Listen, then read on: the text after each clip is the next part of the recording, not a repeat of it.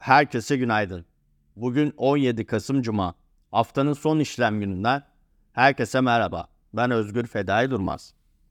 BIST 100 endeksi geçtiğimiz işlem gününü 115 puan artış, %1,5 oranında yükselişle 7781 seviyesinden tamamladı. 7675-7813 seviyeleri aralığında %1,8 volatilitede hareket eden endekste finansal istikrar raporunda verilen mesajlar da risk iştahını arttırdı. Bankacılık sektörü dün %2,9 değer kazandı. 60 günlük hareketli ortalamanın geçtiği 7720 seviyesinin üstünde kalınması durumunda 8000 seviyesi hedef haline gelebilir.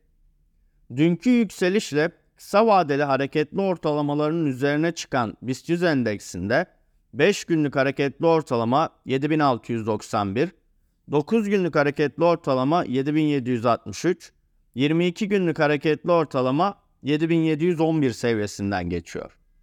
Kısa vadede 7755 seviyesini pivot, 7840, 7895, 7975 seviyelerini direnç, 7700, 7620, 7560 seviyelerini destek olarak izleyeceğiz. Dolar bazlı 273,9, 275,9, 278,7 seviyeleri direnç, 269, 266,2, 264,3 seviyeleri destek olarak takip edilecek. Türkiye Cumhuriyet Merkez Bankası'nın 2023 yılına ilişkin ikinci finansal istikrar raporu dün yayımlandı. Raporda Haziran ayında başlayan güçlü parasal sıkılaşma süreciyle enflasyonla mücadelenin sürdüğü yinelendi. Ticari kredilerin istikrarlı bir büyüme kaydettiği belirtilen raporda bireysel kredilerde büyümelerin belirgin bir yavaşlamanın izlendiğine dikkat çekildi.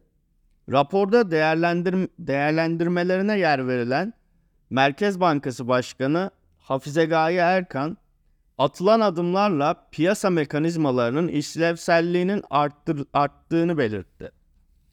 Erkan, KKM ve döviz mevduatlarında gerilemeye ve TL mevduatının artan payına dikkat çekti.